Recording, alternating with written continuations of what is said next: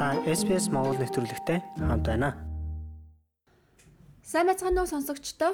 5 дугаар сарын 21-ний өдөр болох сонгуультай холбоотой танд мэдлэг мэдээлэл өгөх хөтөлбөрийн маань ээлж дугаар эхлэж байна. Австралчууд хүүхдийн цэцэрлэгт өдөрт гэхэд 150-аас 180 орчим доллар төлж амьдралын өртөг өсөж байгаа энэ өдрүүдийг давж гарахын тулд хичээсээр байна. Харин сонгуул болж байгаа энэ үед гол өрсөлдөгч болох хоёр нам хоёулаа цэцэрлэгийн үнийг боломжийн хямд байлгах төлөвлөгөө байгаа гэцгээж байна. Дөрвөн настай бас 5 сартай хоёр хүүхдийн ээж Стефани гэдэг эмэгтэйтэй бид ярилцлаа.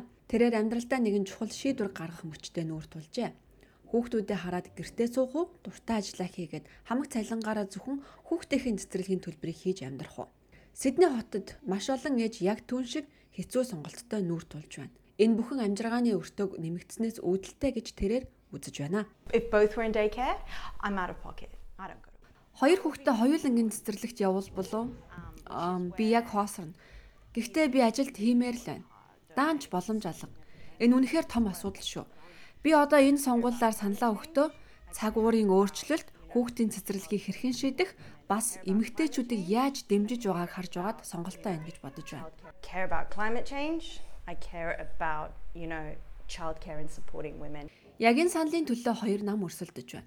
Одоогоор засгийн эрхийг барьж байгаа эвслийнхэн хүүхэд харах үйлчилгээний бодлогод нөлөөлөх төсвөө хийсэн гэдгээ зарласан.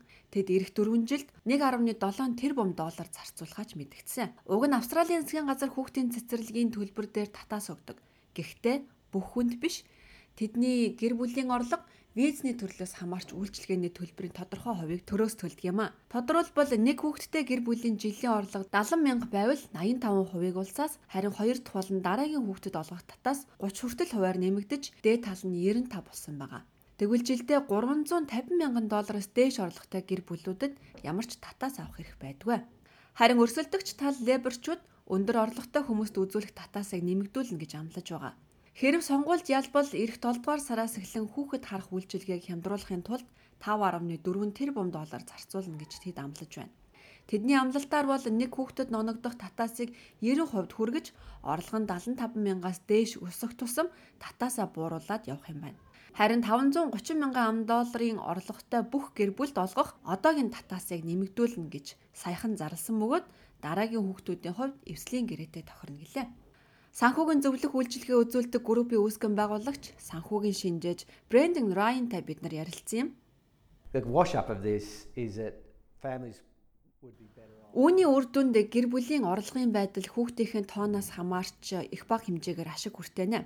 Жилд 200 мянган долларын орлоготой нэг хүүхэдтэй гэр бүл байлаа гэж бодъё. Тэд дунджаар 16 мянган долларын хөнгөлөлт эдэлдэг бол 21 мянган орчим болж өснө. Тиймээс энэ бол үнэхээр чухал өсөлт шүү дээ. So these are really significant uplifts. Гэхдээ тэрээр саналаа өгөхөөс өмнө энэ амлалт биелэх боломжтой эсхийг харахыг зөвлөлөө. This is serious stuff. These are major calculations. Энэ бол хамгийн чухал зүйл. Гэр бүл санал өгөх шийдвэр гаргахаас өмнө мэдэж ойлгож байх ёстой том хүчин зүйл. Тиймээс бид хүмүүс шийдвэр гаргахад нь туслах мэдээллийг олж авах, сайн нэгтэлж үзэхэд нь туслах хэрэгтэй. Хүүхэд харах үйлчилгээнээс гадна сонгуулийн саналаа өгөхөд бусад олон зүйлсийг бас болцох ёстой. Австралийн хүүхэд тасрах холбооны дэд ерөнхийлөгч Ниша Хаачин сэлэгтээ энэ бол зөвхөн гэр бүлийн санхүүгийн асуудал биш юм гэж тайлбарллаа. Цэцэрлэгийн төлбөр өдөр өдрөөр 7 хоногоор хэмжигдэж гэр бүлийн төсөвт дарамт учруулдаг.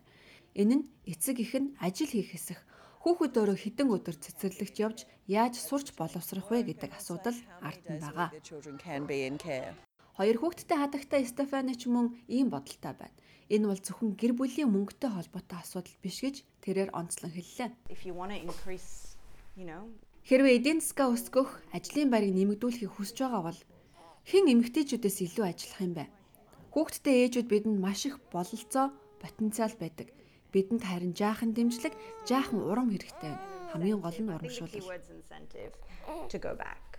Ийхүү 5 дугаар сарын 21-нд болох сонгуульд илүү олон санал авахын тулд намууд өөрсдийн амлалтаа өгсөөр байна. Та бүхэн мэдээллийг зөв өнцгөөс зөв их сурвалжаас авч сонголтоо хийгээрэй. Та SBS Монгол нэвтрүүлэгтэй хамт байна. Бусад сонирхолтой нэвтрүүлгүүдийг SBS.com.cg Mongolian вебсайтаас аваарай.